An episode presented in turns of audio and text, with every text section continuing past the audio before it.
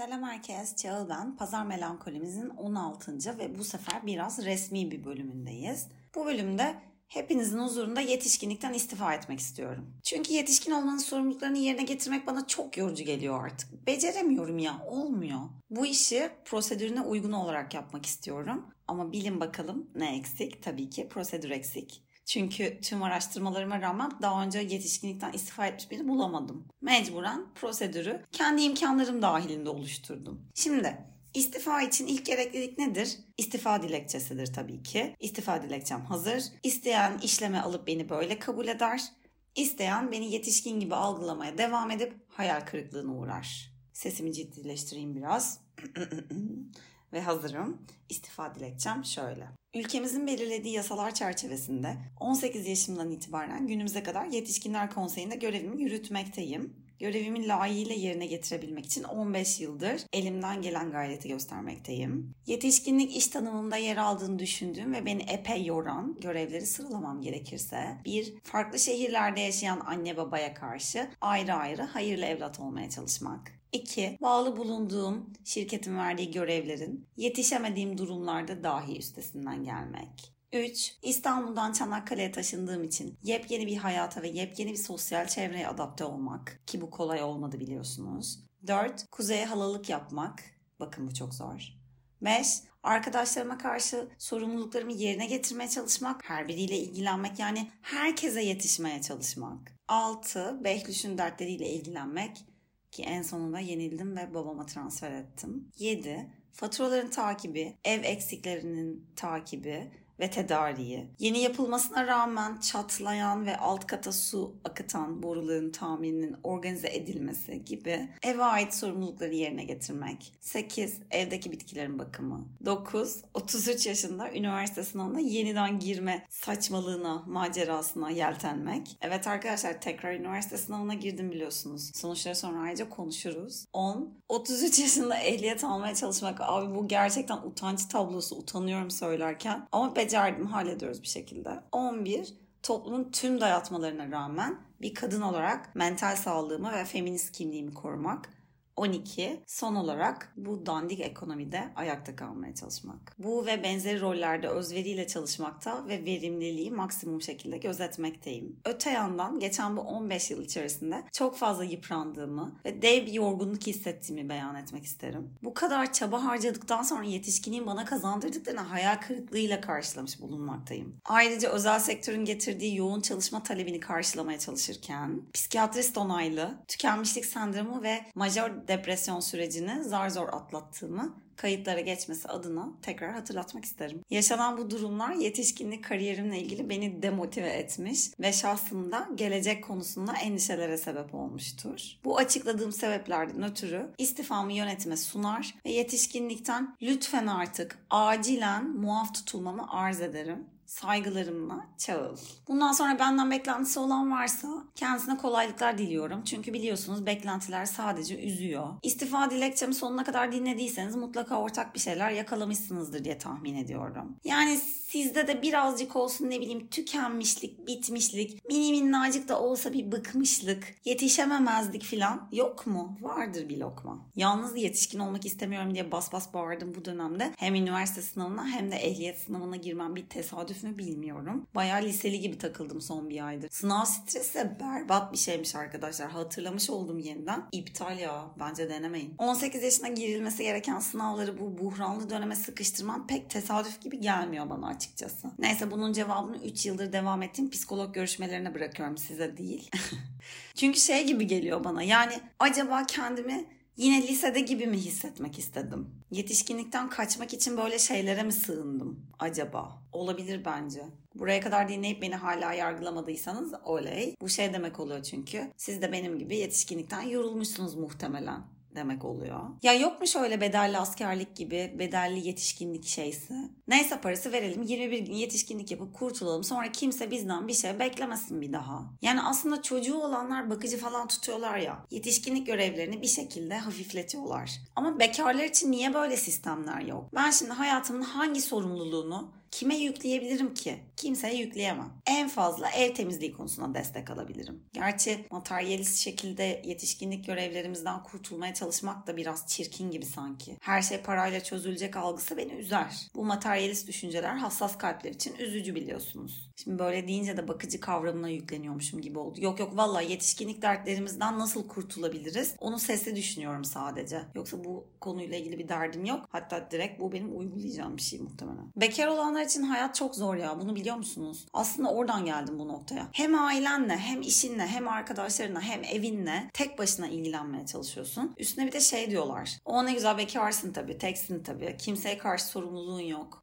Sorumluluğum yok mu? Pardon. Abi ben niye ailemden trip yiyorum o zaman çok yoğun olduğum dönemlerde? Uyandırayım yalnız biz yetişkin bekarlar olarak ailelerimizle hala anlaşmazlık yaşıyoruz bazı konularda. Mesela bayram ziyaretleri çok kritik bizim ailede. Tek yaşadığım için ailedeki herkesin planına ayak uydurmam bekleniyor bana tamam mı? Annem diyor ki bayramda niye bana gelmiyorsun? Babam diyor ki annene gitmiyorsan bana gel o zaman niye gelmiyorsun? Tatile gideceğim belki. Belki benim tatile ihtiyacım var. Tatile gidiyorum desem önce aa okey tamam tamam sen bilirsin diyorlar. Sonra inceden inceden trip atıyorlar.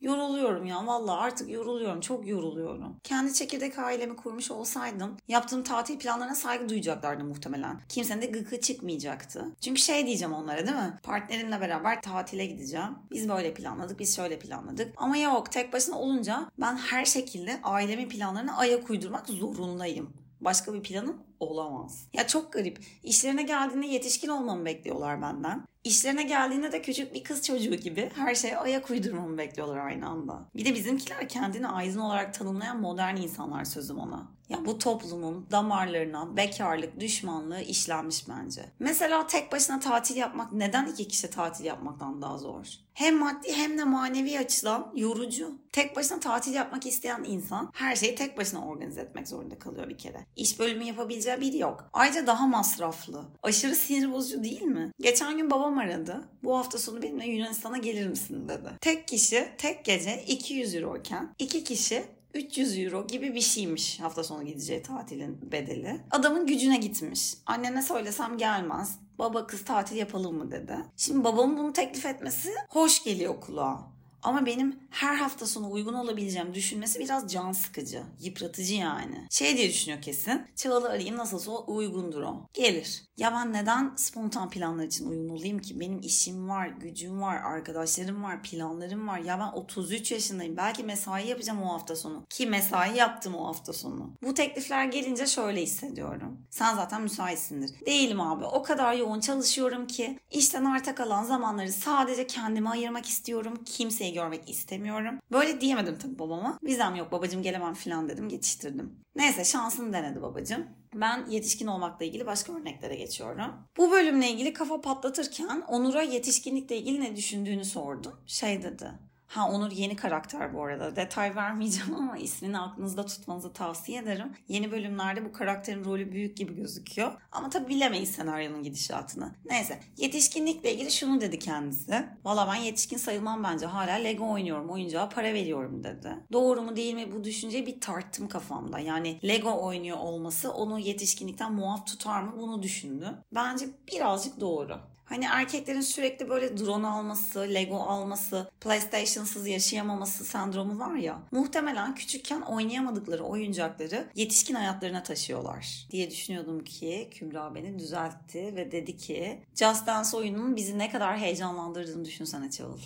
Doğru. Geçen gün Just Dance oynayacağız diye bayağı yükseldik. Hatta Çanakkale'de kızlarla konkin oynamaya karar verdik geçen. Bundan sonra düzenli olarak konkin oynadığımız bir grubumuz olacak. Yelpazelerimizle kulüpte online'ız yani. Bu fikir de bizi çok heyecanlandırdı. O da oyun neticede. Kısacası kadınlarda da var aynı dürtü. Haliyle şu sonuca vardım. Her yetişkin insanın oyunlara dair heyecan duyduğu bir şey var. İyi ki de var. Yoksa sanatçılar, çocuk ruhlu insanlar falan olmazdı gibi geliyor bana. Sıkıcı ve gri olurdu her şey. Aslına bakarsanız hiçbir yetişkin, yetişkin gibi değil. Geçen Two Summers diye bir dizi izledim. Hatta Two Summers değil de işte Tve Zommers gibi bir şey adı. Dutch bir dizi. Neyse orada şöyle bir replik vardı.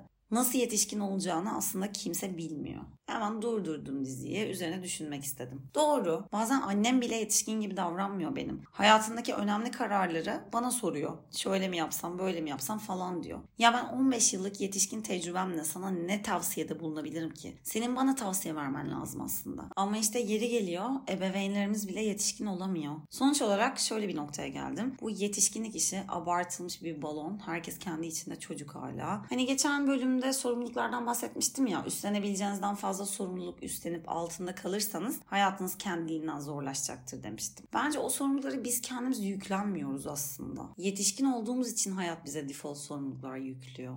Ama altından kalkamıyoruz bazen. İşte tam olarak da isyan ettiğim nokta bu. İstemiyorum kardeşim ben bu kadar sorumluluk istemiyorum. Alın bunları benden. Kısacası benim gibi Yetişkinliğe lanet eden herkesi alnından öpüyorum. İyi ki varsınız. Sayenizde kendimi yalnız hissetmiyorum. Şimdi müsaadenizle daha fazla sinirlenmeden bölümü kapatacağım. Ama lütfen siz de kendi istifa dilekçenizi yazmak isterseniz çekinmeden yazın ve gönderin bana. Hatta belki ben bir template hazırlarım. Görevler kısmını boş bırakırım. Herkes kendi sorumluluklarını oraya yazıp imzasını atar ve bana yollar. Bence güzel olabilir böyle. Bölümleri dinledikten sonra benle paylaşmak istediğiniz şeyler oluyormuş ama sonra paylaşmıyormuşsunuz. Geçen gün böyle bir feedback aldım çocuklar. Ya siz deli misiniz? Gelen her feedbackten sonra Şampiyonlar Ligi şarkısı çalıyor benim kafamda. O kadar mutlu oluyorum yani gönderdiğiniz şeylere. Geçen gün mesela Ozan'la konuştuk. Dedi ki ben Sıkışmıştık Festivali bölümünü dinledikten sonra playlist yapacaktım aslında bölümün bende hissettirdiği şeylerle ilgili. Ama sonra yok ya dedim olmaz dedim öyle dedim böyle dedim. Ya ne demek olmaz? Bu adam müzisyen adam. Ne demek olmaz? Aklına böyle bir fikir gelmiş. Yapsana Ozancım kafayı yerdim ben onu dinlerken. Eminim bölümü dinleyen herkes de bir şekilde heyecanlandırırdı böyle playlist. O yüzden paylaşmak istediğiniz en küçük yorum, şarkı, kitap, film, fotoğraf, tablo her şey kabulüm. Sainz'ın Ferrari ekibine yalvardığı gibi yalvartmayın ya beni şimdi. Lütfen bunları gönderin bana. Lütfen lütfen diye ağlayayım mı size? Lütfen bu duruma düşürmeyin beni çocuklar. Benim de burada bir duruşum var yani. Aksak da olsa, yıkık da olsa, melankolik de olsa bir tavrım var. Neyse öyle böyle der derken uzuyorum yavaştan. Bu bölümde yetişkinlik isyanıma şahit oldunuz. Beni dinlediğiniz ve melankolime eşlik ettiğiniz için teşekkür ederim. Başka bir melankolide buluşmak üzere diyorum ve sizi çok güzel bir şarkıya ışınlıyorum. Bir sonraki bölümde görüşmek üzere.